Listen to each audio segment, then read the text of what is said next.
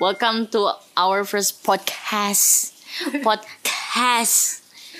Eh, nama podcast kita eh, podcast Hello. Podcast Hello kak. Podcast Hello. Hello, Hello Podcast ya. Nama ini nggak ada filosofinya. Kita cuma ingin menyapa. Asik. Asik. Oke, kali ini eh, kita lagi karantina di apa di apartemen Pak C istri dua. Nah, ini tuh eh hari keberapa kita karantina kak? Hari ke kedua ya. Hari ketiga. Oh hari ketiga. Gak kerasa. Hari ketiga. Di sini juga ada Ibu Roya. Ibu Ibu Roya boleh say hello? Hai semuanya. Halo. Kan hello, kenapa hai? You got hello semuanya, jangan hai. Iya, halo semuanya. Oke, kecil banget suara Ruya. Gedein gennya kak. Iya. Ruya, say hello dong buat pendengar kita yang gak ngedengerin. Halo semuanya. Oh my god, dia semangat banget buset. Oke oke. Kan jadi bintang tamu Ah, ya. iya, iya. Nanti dia akan masuk di sesi closing ya lebih tepatnya. Oke oke. Oke guys, jadi kali ini temanya kita akan membahas tentang insecurity dan mental eh ya itu mental termasuk ke situ. Dan healing healing. Yang kayak orang tuh apa apa healing yuk healing yuk. Dan istilah ini tuh baru-baru tren di saat ini gitu loh. Kayak kayak zaman aku TK tuh nggak ada. Iya. ada juga jalan-jalan gitu loh kayak. Sekarang orang apa apa healing apa apa healing. Padahal mereka nggak kerja apa apa tapi healing. Mereka sakit apa sih? Gitu. Ya kan? Mereka sakit apa sih? Tapi sebelum kita lanjut ke healing kita bakal coba bahas tentang eh, insecurity Asik. ya tapi kita nggak bisa keluar dari sini karena kalau keluar kita bakal stop nggak sih? Mm-mm. tapi kita bisa dibuat bentar ya. Nah eh, di sini kita udah ada narasumber Kak Ismi juga udah udah hadir di studio kita. Eh, oke pertama kita akan bahas tentang insecurity seorang pemuda gitu ya. Nggak seorang sih kayak banyak pemuda merasakan kalau dia tuh insecure sama diri dia. Padahal apa sih? Eh, tapi tapi kak kamu insecure secara bahasa artinya apa sih Insecure tuh kalau dari searching-searching ya. oke boleh boleh Itu uh, a feeling that a person is not good enough. Ah, iya iya. Kayak sebenarnya insecure sama istilah manusia nggak ada yang sempurna masuk gak? Eh, bisa dibilang sih kalau manusia nggak sempurna itu apa? sebuah kenetralan ya. Kenetralan. Tapi kalau pas kita dengar kata insecure itu jadi kayak leads ke negatif gitu guys. Ke negatif. konotasinya. I see, I see. Oke, jadi kayak ada limitasi gitu nggak sih? Kalau nggak ada yang sempurna lebih umum. Oke. Mm-mm. Kalau insecurity lebih ke Kita dengernya pun nggak enak gitu dari Ah, kata iya, iya. insecure tuh kayak mungkin kalau bahasa baru. Google Translate-nya nggak aman gitu ya? nggak aman. Oke, menurut kamu sendiri gitu. Sekarang kamu pernah gak sih ngalamin insecure? oh sering dong. Kenapa? Karena eh, mungkin ya dari awal permasalahan dari insecure itu adalah ketika dia melihat orang lain lebih baik dari dia gitu. I see. Terus? Mungkin gak sih kayak eh, oh gua ngerasa dia lebih cantik I see. aduh gue jadi insecure Mm-mm. oh dia lebih kurus misalnya gue jadi insecure atau Iya. ih ini orang eh, lebih hebat nih kira-kira lebih banyak bakat dari gue gitu Ah. gue jadi insecure kayak Oke. gitu. Terus gimana cara lo ngatasin insecurity lo? ya mungkin ya eh, jujur aku Dengan bukan- healing gak? Dengan healing gak? Sebelumnya Dengan healing gak? Harap penonton bersabar, harap pendengar bersabar. Ini ya aku apa ya namanya? Self ini dulu ya, disclaimer dulu Oke, bahwa boleh, saya boleh. ini bukan sebuah psikolog. Jadi. Gak ada kita Kalian- gak bener. Dan jurusan kita tuh jurusan gak nyambung dengan kehidupan Iya. begini ya. Kayak kita, kita- tuh pandangan awam ya, aja, pandangan awam. Iya. Kalian mau denger silakan, kalian mau gak denger Nggak boleh, kalian harus denger. Nggak boleh sama aku, kalian harus denger. Oke. Lanjut Jadi, kak. Tadi siapa pada insecure gimana supaya Kamu mau self disclaimer dulu Eh, katanya. buset, kepencet. Oke oke. Ya pokoknya eh, kalau misalnya dari aku pribadi Hmm. eh, gimana supaya nggak ngerasain insecure itu ya dengan mengubah fokus kita gitu Asik. Gimana contoh-contoh lo kasih study case ya gimana? aja kita insecure karena orang lain eh, ada yang lebih gitu dari kita kan Ah, karena kita ngelihatnya ya fokusnya ke orang lain itu mm-mm. kita bakal hilang rasa nggak pede dan insecure atau negatif not good enough-nya ketika kita mulai lebih melihat ke diri kita sendiri gitu. Oke, padahal eh, sebenarnya kita bisa fokus terhadap sesuatu hal yang lain, tapi kita terlalu fokus terhadap kekurangan kita. Padahal Iya. kalau kita fokus ke ke kelebihan, Kelebihan kita, kita, nah. bahkan insecure itu bisa jadi nggak muncul sama sekali, ya gak sih? Heeh. Kayak kita terlalu kayak, wih Ruya cakep banget sih, gue pengen kayak Ruya, weh. Terus kayak, wih Ruya, Ruya pinter banget sih, ininya politiknya gue pengen kayak Ruya. Padahal sisi baik, eh, sisi lainnya lo tuh pinter di bidang lain, tapi lo terlalu terlalu fokus sama bidang orang lain yang dia gelutin. Itu kan kayak lebih kepada Baru azan ya guys. Utinya semangat sholat. Cie lagi bikin podcast. ya, oh kita juga udah datengin bintang tamu kita Allah. Eh, Ngapain? Kak Vika, Kak Vika kita lagi bahas tentang kayak insecurity. Eh, menurut kakak insecure tuh kayak gimana sih? Pandangan kakak Enggak lah, gue mah percaya diri banget gila. Enggak, Iya. enggak percaya tapi tapi pernah gak sih ngerasa insecure? Sering lah, bukan bukan pernah tapi lagi sering. tapi bidang apa yang paling kayak ih gue gak bisa banget nih kayak gini kayak orang-orang. eh lebih ke beauty kali. Beauty ya kayak ini orang cakep banget ke gue ke Bulu gue. Kayak kadang dia mandi nggak mandi tuh Itu sama aja gitu ya. Gitu ya? Kamu nggak aib sendiri, jangan dong ntar nama gue ini lagi. enggak enggak tenang aja. Kita kita ininya di ini aja di HP kita. Oh ini buat iseng-iseng doang. iya. Oh anjir, gue kira PPI lagi podcast Eh, PPI. enggak enggak. Gila Makanya. banget podcast PPI orang berisik kayak gini. Santai santai. Enggak enggak. Ini kita lagi podcast. Namanya kita Hello Podcast. Oh, hello, podcast. Soalnya kamu- keren nih, keren, keren. ya oke. Terus eh, tadi kan di bidang beauty gitu ya kayak eh, mungkin kayak ini orang kok lebih cantik dan segala macamnya. Tapi untuk mengatasi itu apa yang kakak lakuin Eh, eh kenapa jadi gue nih yang ditanya? enggak enggak apa apa enggak apa apa Ini siapa yang bawa nih? Hah? Siapa yang bawa? Tadi beli food panda. Demi apa? Bercanda, bercanda masa food panda, Bu. Enggak, enggak. Berarti baru beli di sini. Enggak, bawa. bawa. Oh, bawa si niat emang. Ukti ini. Ukti. Hai, gimana? Oh iya, maka kenapa jadi Ya, so- ya? solusinya gimana? Kayak untuk mengatasi ketika merasa seperti itu. Gimana ya? Nggak tahu sih kayak gimana? Ya udah aja gitu. Iya, ya udah. Ya udah dia lebih cantik gue enggak gitu. Iya. Se- Nanti se- gue operasi dulu kali ya biar gue jadi cantik. tapi tapi pernah gak sih kepikiran kayak gara-gara insecure gue harus healing? Oh, itu mah.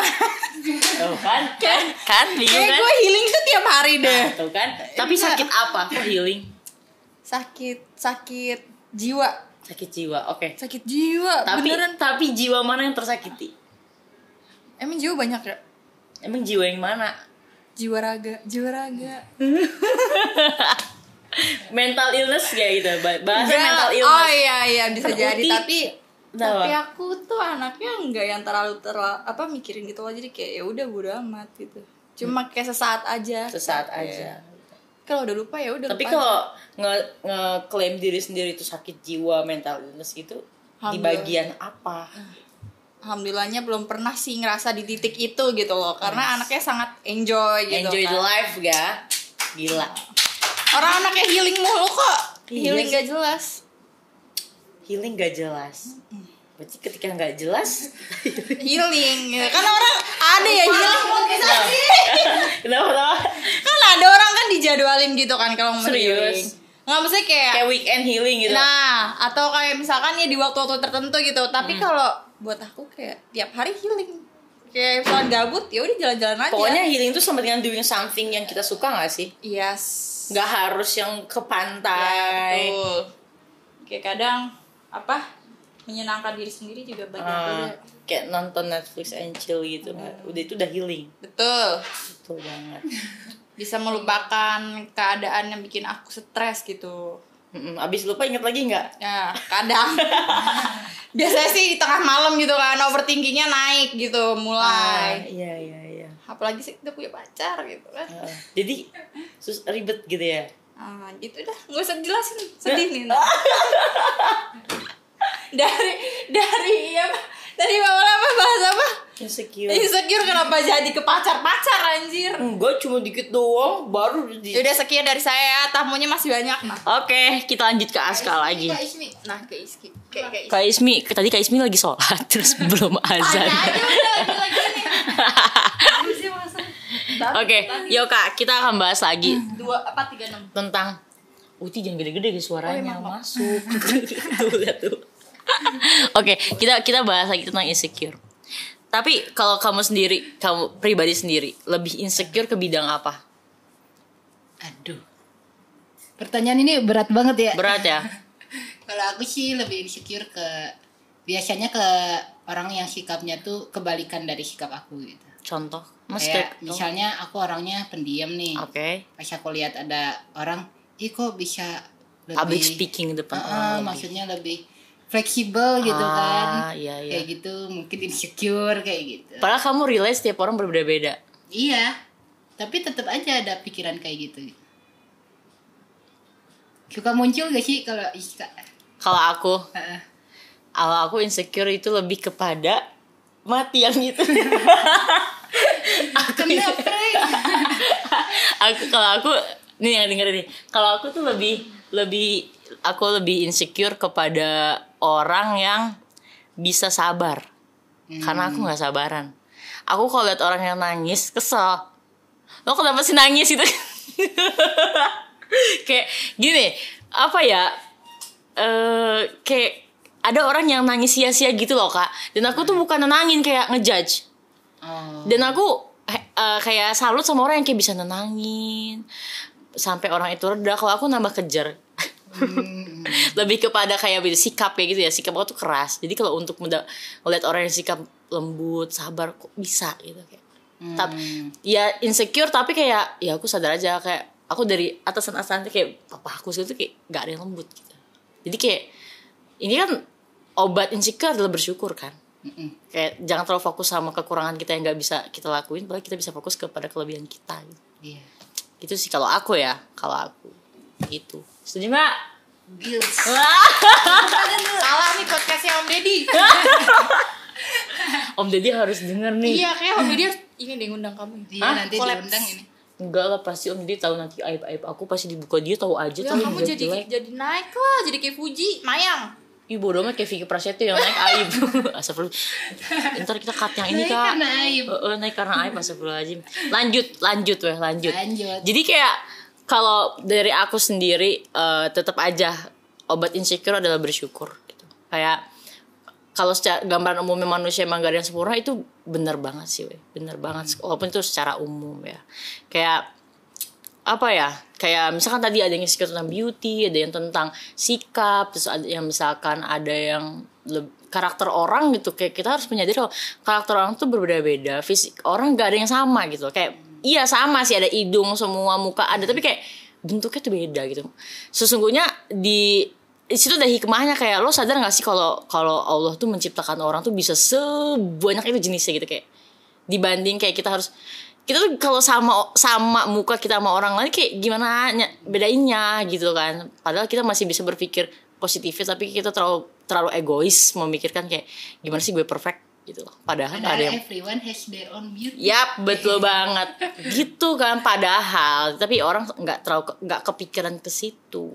Gitu. Kayak cantik itu kan eh, bukan masalah baju gitu kan, bukan masalah apa yang kita pakai, tapi kan lebih kepada hati kita. Cantik itu relatif. Relatif, sebenarnya relat- relatif kan, tapi kayak eh, apa ya kayak bijaknya kecantikan itu kayak ada di dalam hati kita gitu. Ada di dalam hati kita ada di dalam sikap kita ada di dalam pemikiran kita. Dibanding kayak lo pakai baju apa lo pakai tas apa lo pakai topi apa jam apa dibanding itu semua kayak lo hilang semua itu berarti kecantikan lo hilang. Tapi kayak hati lo ngebal hilang gitu. Jadi kayak sebenarnya cantik itu kayak bisa permanen kalau kita bisa jaga apa yang kita punya sih. Kayak begitu.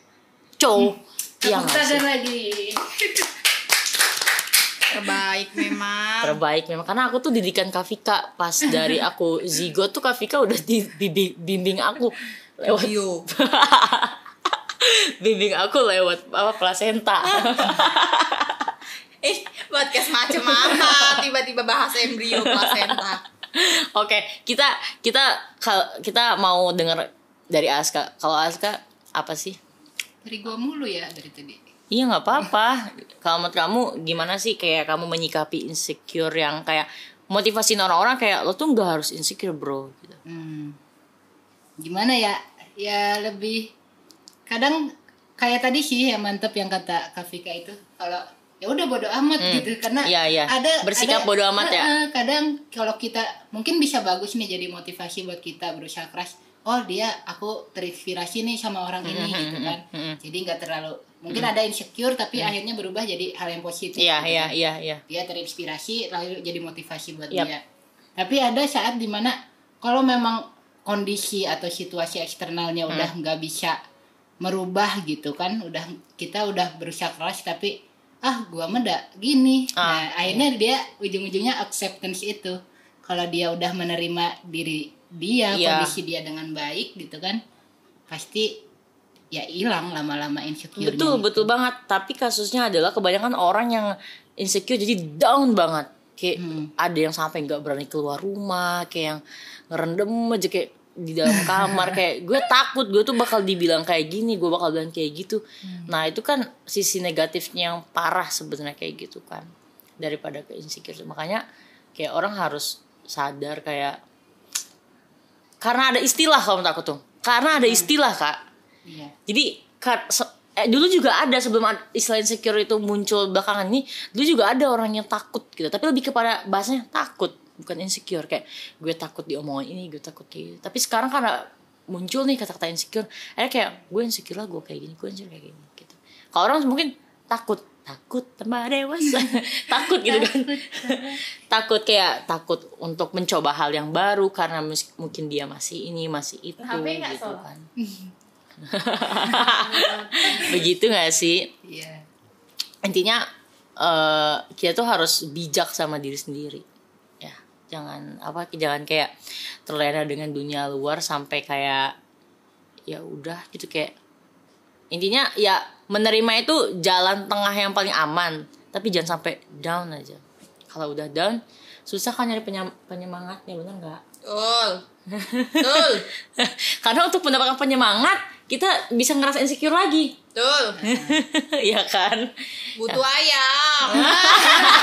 itu sih aku aku tuh udah udah apa sih kayak apa sebutnya udah nggak belak belakan tapi ukti yang samping ini langsung. nanya. boleh Kan boleh. Tadi kan ngomong beauty kan. udah kayak ada- dosen saya mau nanya. Oke boleh Mati suaranya ya. eh nggak apa apa boleh boleh.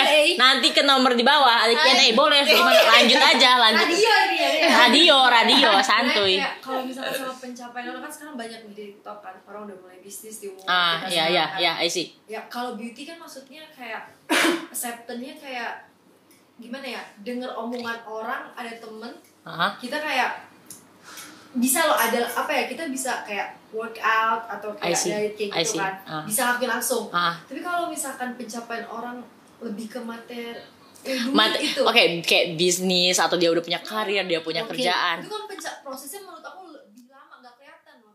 Oke oke. Itu gimana coba cara? Gedein kak? Kak nggak ada suaranya kak?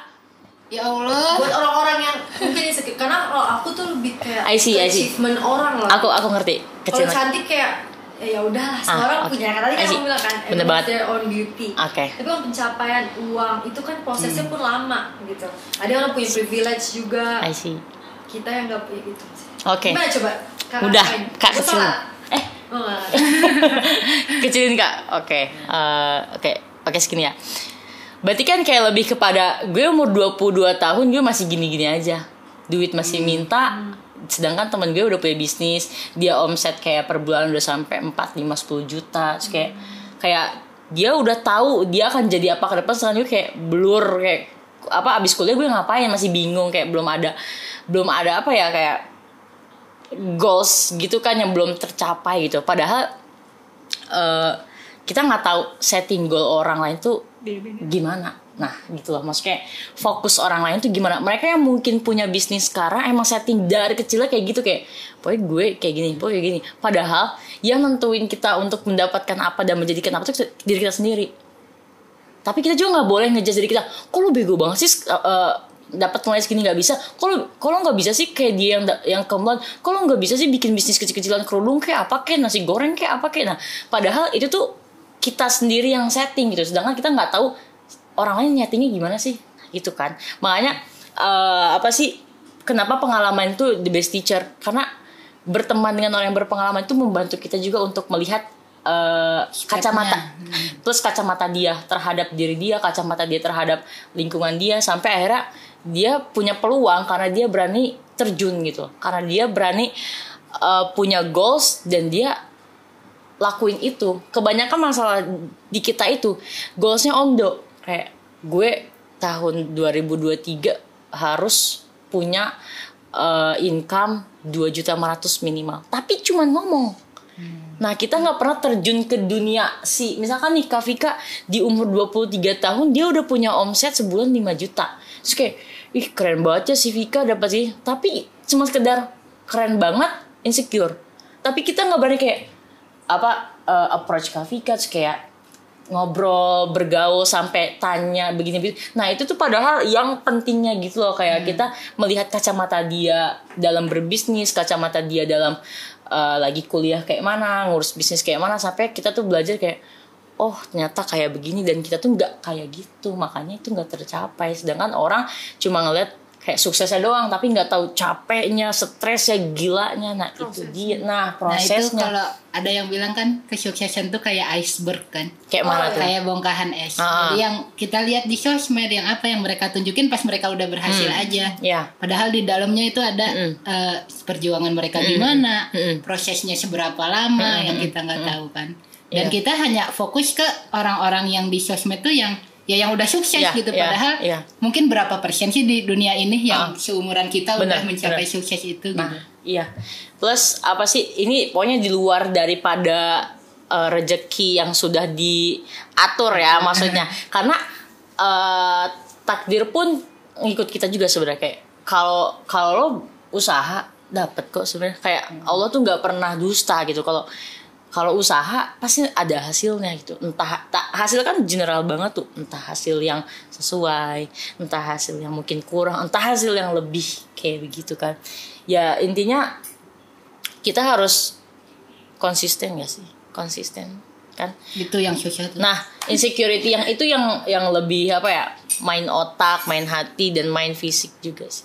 Kalau capeknya berlipat-lipat dibanding ya semua juga capek yang ngerasa insecure semua capek tapi ya itu dia balik lagi ke kitanya mau nggak sih kayak memulai mau nggak sih capek untuk hal yang kita inginkan gimana setuju nggak Langsung insecure ya. oh Berkurang sih.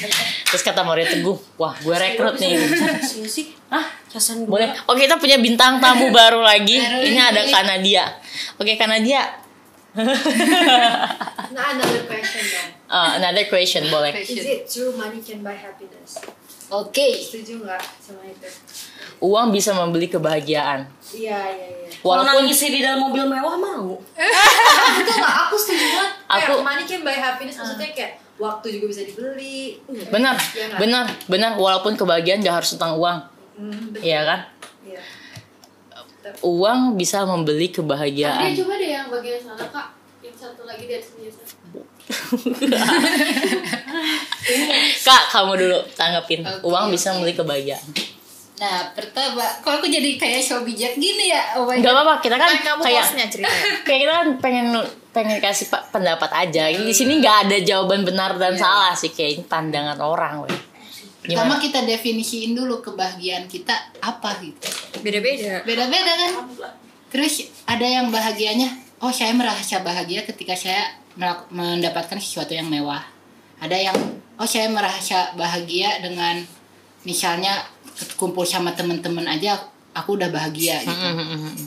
Ya itulah jadi tapi memang setuju juga kalau misalnya kalian udah punya duit nih udah punya money lebih mudah untuk mencapai apa yang pengen itu Setuju. Asalkan dipakainya bener kak. Mm-mm, ya benar Aku setuju juga dengan itu. Kayak bisa membeli kebahagiaan. Sebenarnya bukan membeli, tapi membuka kesempatan untuk lebih bahagia. karena orang orang stres-stres nih kerja mereka nyari duit terus duitnya mereka pakai apa buat healing kan healing buat mendapatkan kebahagiaan itu. jadi istilahnya maninya tuh menjadi salah satu apa ya? Sarana lah. Sarana lebih ke sarana. Bukan bukan inti Bukan dari kebahagiaan dari tuh kebahagiaan. uang enggak. Mm. tapi kayak dia kayak uh, option kayak supporternya lo kalau mau bahagia salah satu salah satu dari sebag- banyak indikator apa sih pendukung bahagia kayak gitu sih. Itu di luar konteks agama ya. Kalau di luar ko- Iya, kalau kalau dalam konteks agama lu nggak butuh duit, sumpil. Nggak nggak butuh duit untuk untuk bahagia di dunia dan akhirat gitu. Ini di luar konteks agama. Tapi balik lagi ke ke sesuatu yang berlebihan. Kayak kita kebanyakan duit juga nggak akan bahagia. Aku yakin itu sih nggak akan bahagia tapi kebanyakan duit bisa bahagia ketika duitnya tuh diberkahin gitu loh kayak bagi-bagi bakso. Sebenarnya kita ngelihat orang senang pasti ketular gitu kayak uh gitu kan "Ih, senang banget gitu. Tapi kebanyakan duit tapi untuk egois buat diri sendiri. Fix itu bahagia kayak hari ini bahagia besok enggak. Bingung udah. Jadi bete. tergantung gimana orangnya gunain. bener bener. Pasti ke managingnya kayak mana gitu.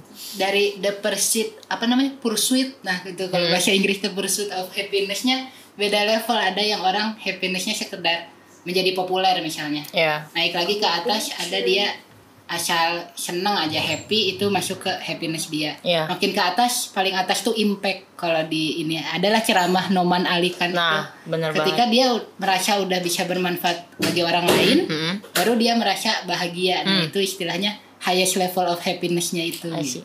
Bener banget. Nah, kalau mau tahu kayak gitu, kalian harus rajin-rajin mendengar dan membaca buku. ya, itu emang itu kuncinya. Kalau cuma ngerem di kamar main game, ya kamu cuma dapat ini apa tuh sebutan kalau main ML dapat apa kak? GGWP Ah, apaan lo kagak ngerti ya? kayak good game well played. Bener. itu eh itu. Emang apa sih? Intinya inti dari bahagia pun ada yang bahagia kalau dipuji bahagia udah kayak wih kamu hebat banget sih. Itu udah bahagia ada yang kayak begitu. Ada yang eh dipuji tuh kayak udah biasa. Akhirnya kayak ya udah biasa aja. Kayak mungkin para para orang terkenal kayak dipuji wah aktingnya bagus sih. Biasa aja. Tapi ada yang un- mungkin untuk orang yang pertama kali dipuji kayak dipuji kayak gitu kayak wow gitu. Kayak ngerasa ini effort gue berhasil gitu. Kayak bikin orang seneng sama gue itu udah bahagia. Ada yang kayak gitu. Tapi nyadar gak sih orang yang bilang money cannot buy happiness itu biasanya orang-orang yang berduit Iya. karena dia udah karena dia sudah merasakan kebahagiaan Ah, itu dan dia belum dan dia belum merasakan kebahagiaan yang lain Heeh, Iya. Jadi dia searchingnya another lagi dia, Iya. dia belum dapetin. itulah kenapa orang punya tingkatan yang berbeda-beda ya kan ya begitulah kurang Berat lebih. sekali ya pemirsa. berat sekali. Ini bisa nggak masuk IM podcast? Tapi bahasa Indonesia aja. Iya, nah, bahasa Indonesia aja tapi kalau bahasa Inggris saya eh Google Translate dulu. Google Translate dulu kita bikin pidato. Lanjut bos, kita mau masuk ke tema healing. Tadi kan kita kucing. udah, nah kita udah nyinggung beberapa kali tentang healing, healing, healing dan healing gitu kayak banyak orang kayak nih buka grup, weh healing yuk, weh healing yuk, weh healing yuk. Apa ya? Kita tuh kalau secara bodohnya healing tuh yang ngobatin gitu nggak sih kayak pengobatan gitu kan kayak pengo- tabib M ada mengobati sembelit Boleh cocok deh, cocok. nah sekarang kayak istilah healing tuh bukan hanya melukai fisik doang gitu kan kayak tapi lebih ke dalamnya gitu nah kalau istilah healing yang di kalangan remaja sekarang tuh kayak lebih kepada bukan healing untuk mengobati rasa sakit hati atau rasa atau ada luka dalam tapi kayak lebih kepada jalan-jalan Jalan-jalan. jalan-jalan. Iya, jadi kayak Iya. jadi Oh, iya. sekarang kalau menurut aku makna healing itu memiliki pergeseran makna. Mm-mm. Kalau mengikuti leksikografinya temporer. Tapi kalau misalkan balik ke makna awal nggak kayak gitu. Tapi gitulah bahasa. Dia akan mem- memiliki pergeseran makna seiring berjalannya waktu. Ya kan? Jadi istilah aku udah kayak ASMR kalau Iya. ternyata kedengeran. Ke, eh, jadi kalau menurut aku healing di kalangan sekarang tuh ya lebih kepada gitu sih jalan-jalan. Terus kayak main. Jadi apa namanya terdisrupsi ya? Hmm, hmm, hmm. dari apa? dari makna sesungguhnya gitu. Dari praktik sesungguhnya. Apakah itu problem? Enggak. Enggak problem sih sebenarnya. Cuman kayak dengar kayak wah healing yuk. Kayak padahal dia tuh seminggu nggak ngapa-ngapain gitu. Kayak suka gergetnya kayak gitu kayak healing yuk kita nggak ngapa-ngapain gitu. Tapi kita nggak bisa ngejudge karena kata healing sekarang udah cuman kayak Asal diceplos aja. bener banget kayak kayak lebih kepada nongki yuk gitu loh. Eh, kayak iya, nongki padahal- yuk. Padahal bisa bilang nongki. bisa healing. nah itu dia. iya, biar Iya, ada mental health. bener banget bener bener banget. Emang lebih kepada ik, ik- sekarang tuh orang ngomong healing insecure itu lebih kepada trending. Hmm. ngikut tren ngomong kayak gitu. Jadi keluar daripada hakikat arti sesungguhnya walaupun gitu secara apa ya secara kita tuh sebenarnya nggak nggak tahu arti sesungguhnya yang menurut para ahli kalian tanya langsung aja. Cuman kayak ini pandangan kita terhadap dua kata itu yang merajalela di muka bumi tercinta ini gitu loh. Gimana kak? Berat juga ya. berat banget kan? Oke kita punya bintang tamu namanya Ruya. Ruya, selamat datang. Saya hello lagi dong Halo semuanya. oke Welcome back to my channel. oke Ruy nih aku Sebagai ini nih Ruya sebagai Gen Z. Eh, Gen Z oke Kita boleh juga ya? iya sih kita juga kecil dikit iya Makanya. Ya, ah kecil dikit. Tenang, tenang, kita masih dianggap kok. Oke. Oke, kita ke Ruya. Ruy, sinian dong, malas banget lu jadi orang tuh kan pemuda nih. Nih, eh, Ruya, kalau menurut aku pasti Ruya punya pengalaman yang berbeda di di kalangan kita gitu ya. Nah, kalau menurut kamu sendiri gitu, insecure atau healing nggak insecure aja dulu. Kau kau pernah ngalamin insecure Sering lah pasti di bidang apa sih? kecantikan, Kecantikan, akademik. akademik, Itu sih dua yang paling menonjol. Ah, pa- kalau pendengar tahu Ruya pasti deng kesel dengan dua hal itu. Padahal dia punya dua itu. Kesel gak sih? Kayak gitulah namanya. Itu namanya kayak aku insecure juga. Itu adalah eh, apa sih? Tersirat sebenarnya tersirat. Oke, kena eh, sekarang kamu kan ngerasa pernah insecure di bidang-bidang itu.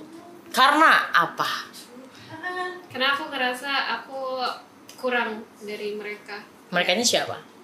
Mereka mereka mereka yang aku anggap lebih, Lebih. tinggi dari Ah. aku yang punya kelebihan dari aku. Mm-mm. Terus nikapinya gimana? Nyikapinya sih aku bikin uh, ngedistract diri aku dengan hal-hal lain misalnya uh, tadinya berpikir kayak gitu akhirnya aku mungkin kayak nonton drama Korea jadinya akhirnya terhibur terus Terhibur. lupa tapi Uh-uh. sebenarnya nanti balik lagi Ha-ha. tapi uh, untuk untuk menghilangkan hal tersebut sebenarnya harus dihilangin dari akarnya sih. Maksud aku adalah kita tuh harus belajar untuk bersyukur menerima diri sendiri apa adanya. Mm-mm. Walaupun itu bisa di-upgrade. iya benar-benar banyak banyak usaha sebenarnya untuk mengupgrade diri gitu kan. Iya sebenarnya kalau misalnya kita eh, insecure sama seseorang tapi kita nggak melakukan action apa-apa Hmm, hmm, untuk merubah itu ya sebenarnya sama aja sih itu kayak kita malah menyiksa diri sendiri. Tapi kalau ketika kita kita kita tahu itu nggak baik terus kita coba berubah dan kita udah berusaha sebisa mungkin Hmm. dan jadi diri kita yang terbaik ya pasti hal-hal kayak gitu bisa hilang atau Ah. berkurang lah. Bisa diatasi lah sebenarnya ya. Karena setiap penyakit pasti ada obatnya masih ada obat bener kan terus eh, kamu nih kayak selama selama nggak tinggal di Indonesia ya. Aduh Tokopedia nggak tuh. Mohon maaf Tokopedia bisa jadi ambasadornya guys kak. Nih Tolong kamu ya dibayar ya. kamu selama kamu selama ini kan maksudnya nggak stay di Indo nih. Apakah dua kata itu merajalela juga di sana? Di kalangan anak muda di kalangan sekolah kamu insecure healing dan sebagainya macamnya? Kalau di sana sih sebenarnya karena orang-orangnya dikit jadi nggak terlalu banyak nge-compare sama orang lain sih kitanya tapi kalau kita berhadapan sama orang asing misalnya contohnya orang Arab asli wah itu kelihatan banget bedanya misalnya kayak mereka tuh kelihatan lebih bergaya Ah. lebih keren Ah. terus kita sebagai negara yang minoritas gitu kayak ya agak lebih direndahkan gitu Hmm. di pandangan mereka gitu Hmm. jadi kadang kita kayak ngerasa gimana ya pengen pengen bergaya kayak mereka Mm-mm. tapi budget kita nggak gak sama kayak mereka. Ah. Mungkin mereka tuh uh, biaya hidupnya kan tinggi banget ya beda banget sama kita. Hmm. ya kadang kayak gitu aja sih. Sampai kayak berpikir pengen banget jadi orang kayak mereka gitu Hmm. jadi orang Arab gitu ya. Kayak gitu. Masih nggak sampai sekarang pengen kayak gitu? Pengen jadi orang Arab. Emang bukan orang Arab? apa? Kayak bukan. Tapi kamu lahir ada keturunan gitu nggak? keturunan kayaknya nggak ada deh Gak ada, cuma emang tinggal di sana Hmm. gitu. Oh. Hmm. cuma aku punya saudara-saudara yang pindah keluarga negaraan gitu ke oh iya Arab. Mungkin udah lama di sana kali ya. Dari kamu lahir di sana? iya Oh berarti emang lahir di Arab? Cuma mama papa kamu kenapa gue jadi sisi? jadi interogasi Interogasi kan? lanjut oke tapi kamu sampai sekarang masih nggak sih ngerasain sih udah pengen jadi kayak orang Arab gitu sebenarnya? iya masih dong karena aku ngerasa mereka itu punya punya gimana ya Pak kayak negaranya tuh ngasih mereka fasilitas fasilitas yang bagus-bagus banget kayak diperhatiin banget. Hmm, kayak contoh gajinya Terus kayak misalnya mereka eh, kerja itu bahkan diwajibkan setiap toko itu harus ada orang Arab. Jadi kayak orang asing itu selalu dibelakangkan gitu. Intinya kayak Arab tuh pengen mensejahterakan dulu warganya dibanding orang lain ya dan itu aku kayak iri banget kayak seandainya di negara aku juga kayak gitu kayak enak banget gak sih? Pak Jokowi tolong dengerin. Iya. Aduh, gue ketawa. tiba-tiba Pak Jokowi kebayangin Pak Jokowi ngedenger. Lanjut Rui. Iya itu aja sih. Kadang kayak enak banget ya negara orang lain. Jadi aku kayak insecure juga gitu. Kalau kita Tapi cakep-cakep banget lagi orang-orang Arab Ah. tuh. Ya ampun oke diterima. Tapi kalau istilah healing ada nggak sih di Arab? Ada dong pasti. Di kalangan anak-anak. Terus biasanya kalian kalau ngomong healing apa apa sih inti dari purpose-nya healing apa? Kayak apa kegiatannya terus apa gitu? Kalau untuk kegiatan aku nggak tahu sih kalau orang lain ya. Kalau aku sendiri biasanya kegiatan aku mungkin main sama teman keluar sama teman Mhm. makan Mm-mm. minum gitu minum yang manis-manis gitu. Kayak enak banget nggak sih? Makan es krim. Hmm. Terus nggak ada ya walls gerobak. Nggak ada gerobak.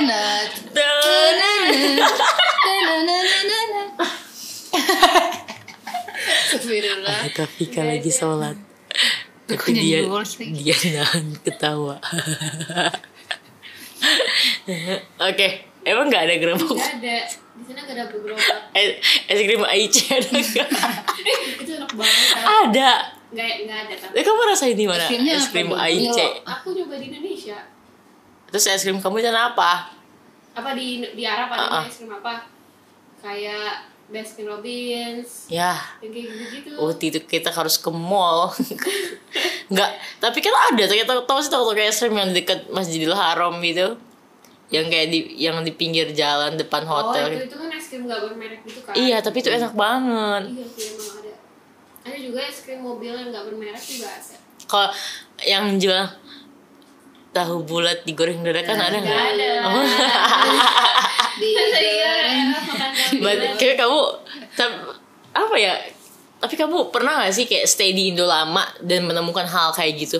Hal-hal yang gak kamu temuin di Arab kayak yang jualan-jualan iya kayak dong aku kan pernah sekolah di Indonesia selama satu tahun kan ah jadi aku emang aku sempat kultur shock gitu. Ah. Bahkan naik motor aja aku seneng banget gitu. Karena di Arab nggak ada naik motor. Ada orang yang gak pernah naik mobil dia pernah naik motor. Sumpah. Kayak kalau kalau aku kalau aku kayak menyangkut tadi jajanan kayak gitu aku kadang healingnya tuh jajanan SD hmm. jadi kayak untuk membahagiakan diri kayak nostalgia dan ngerasain hal-hal kayak gitu kayak wah jajanan SD kayak kita ke SD orang. Ke SD orang jajan gitu jajanan kayak gitu. Berarti ada perasaan ingin kembali ke SD itu? Eh nggak aku capek lagi nanti. Dia dia sampai sama coba nggak tapi aku lebih kepada apa ya? Siapa sih yang nggak seneng jajanan SD gitu loh kayak. Belum lagi cilor. nah cilor cilok. Aku lebih ke cilok dan tau gak sih tahu eh telur yang dibuat-bulat terus kayak kita balikin. Nah itu kan terus kayak kue cubit. Ada nggak sih sono di sana nggak ada tapi waktu aku SMA di Indonesia aku pernah kayak gitu iya habis ujian terus habis itu naik motor ke SD terus eh kamu bawa motor sendiri nggak digojek sama teman tapi aku pernah bawa sen- sendiri juga bisa bisa oh karena aku seneng naik motor kayak angin angin gitu jadi aku belajar naik motor. Oke, oke. Abis ini kita akan hadiahin Ruya motor. Kita ada sponsor, sponsor udah siapin Touring ya, semua. touring. touring. Pak Jokowi kasih sepeda. Ah, Pak Jokowi kasih sepeda dong. Nanti sepedanya kita jual beli motor second di sini. Pak Jokowi dengerin aja kata Pak Jokowi, apalagi, apalagi yang dia minta nih katanya. Jadi kayak kalau kamu versi kamu kayak healing kamu hangout sama temen kayak gitu, makan-makan, oke. Eh, pokoknya banyak ya bentukan lebih kepada he- healing tuh intinya kayak intinya membahagiakan diri sih. Ya nggak sih kayak pengen lebih free pengen lebih happy. Buat ngilangin itu pikiran Ah. ininya itu pikiran bener-bener negatif. Kayak kita tuh healing dari jam 7 pagi sampai jam 7 malam pas jam 10 overthinking. Betul. ya itu stres lagi sampai jam 5 subuh. berarti belum sepenuhnya healing gak sih iya dia karena belum disembuhkan dari apa yang karena dilakukan. penyakitnya itu di dalam sedangkan healing kita tuh dari luar. Dari luar dan luarnya tuh capek dan capeknya membuat kita lebih overthinking dan lelah dan mikir ke mana-mana. Ya kan? Intinya lebih ini kita masuk ke agama. Kamu jangan deket jangan jangan deket gitu. Jangan jauh-jauh sama sama Tuhan kayak gitu. Karena percuma lo mau jalannya ke Paris ke ke Eropa ke keliling Eropa keliling Asia nggak akan sepenuhnya happy dan sembuh Gak akan kalau feeling content gitu ya. kalau apa ya apa sebutannya jiwa apa rohani dan segalanya itu jauh daripada yang mengatur.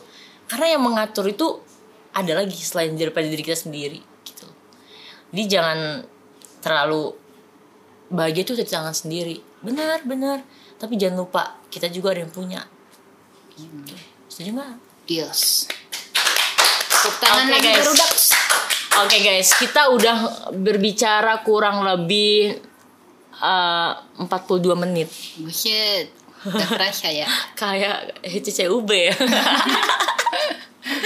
Oke, kita bakal akhiri pembicaraan kita. Kalian yang dengerin, kalian keren banget. Kalian hebat banget. Karena aku lebih suka ngomong dan gak bisa dengerin. Sekali, ya bisa sih. ini kalau- juga kita males nih dengerin rekaman Oh, kita bakal. Kita cuma mau nambahin backsound doang. Habis itu kita nggak denger dengerin lagi. Gitu sih. Ya udah. Jadi kayak inti dari pembicaraan kita hari ini adalah lo harus bersyukur. Kurang-kurangin insecure, lo harus bersyukur, terima apa adanya. Tapi jangan lupa kita bisa upgrade diri kita gitu loh kayak. Yes. Bersyukur bukan menerima tanpa ada action lain, tapi kita bisa menerima dan mengembangkan. Kayak gitu loh. Ya kan? Terus kalau healing ya healing sih lebih kepada lo buat diri lo happy aja sih kayak gitu mau mau gimana pun caranya. Yang penting nggak keluar konteks yang ya intinya hal yang dilakuin positif lah. Jangan sampai suka-suka akhirnya kayak membuat orang lain celaka membuat orang lain malah ter- ada yang tersakiti. Itu sama aja. Itu akan membuat masalah baru. Gitu sih. Jadi nggak bisa suka-suka tapi lo bisa ngatur itu sedemikian rupa sampai lo bahagia tanpa mengecewakan dan tanpa menyakiti orang lain. Itu aja sih dari aku. Ad- oh, dari Asa gimana banget pesannya? ya pokoknya. Ya, cepet. Sebelumnya terima kasih ya sudah diundang ke sini. Ah, mudah-mudahan diundang lagi ya. Iya. Nah, lain kali mudah-mudahan dibayar ya? Iya soalnya harusnya aku yang ngomong gitu karena mic-nya Aska. Kita kita yang mutualisme laptop aku oh, mic-nya Aska gitu. Selotip Ruya nih Ruya ada selotip ini aku bingung mau kasih kesimpulan apa ya. Ya menurut kamu gimana sih ya kesimpulan? itu kembali lagi uh, tentang insecurity itu terjadi ketika kita memfokuskan pikiran kita hati kita ke hal lain selain kelebihan kita gitu kan. Jadi akhirnya timbullah perasaan kurang. Dan sebenarnya ya itu uh, akarnya nih dari semua ini dari perlu healing apa itu merasa kurang gitu. Ketika kita sudah uh, mudah-mudahan ya kalau kita punya dekat sama Tuhan itu insya Allah bakal ada feeling content lah. Jadi eh, perasaan cukup di hati ya, kita. ya, ya. kalau kadang karena aku juga kadang ngerasa kalau lagi gua lagi jauh gitu kan lagi lagi PMS atau apa tuh ngerasa jauh aja. ini murung gitu gak sih? Ah ah, kayak gelisah gitu kan. Jadi ngerasa hampa ngerasa jauh lah. Jadi nggak kayak ngerasa tuh aduh perlu hal lain nih yang bikin gua bahagia kayak gitu. Tujuh selamanya. Dan memang itu mungkin bisa dibilang ya fitrahnya manusia juga ya. karena nggak ada yang istilahnya orang bisa happy terus menerus gitu. Tapi eh, kemenangan sejati dari diri kita adalah ketika kita bisa accept gitu, menerima apa pun kondisi atau situasi yang datang ke diri kita gitu. Asik ya Allah, zuber sekali. Mario Teguh ditunggu ya undangannya. Ah, Pak Mario udah aku mah udah nge-follow tau Pak Mario udah lama tapi udah aku unfollow lagi. Oke guys, makasih yang bisa ngedengar sampai 45 menit ini semoga pembicaraan kita tuh gak sia-sia nggak karena nggak kosong kali ini kita bicara nggak kosong. Sampai jumpa di podcast selanjutnya kita akan bahas tentang eh, spesial an- spesialnya anak-anak berkebutuhan khusus versi Aska. Thank you. Wow. Assalamualaikum. Assalamualaikum.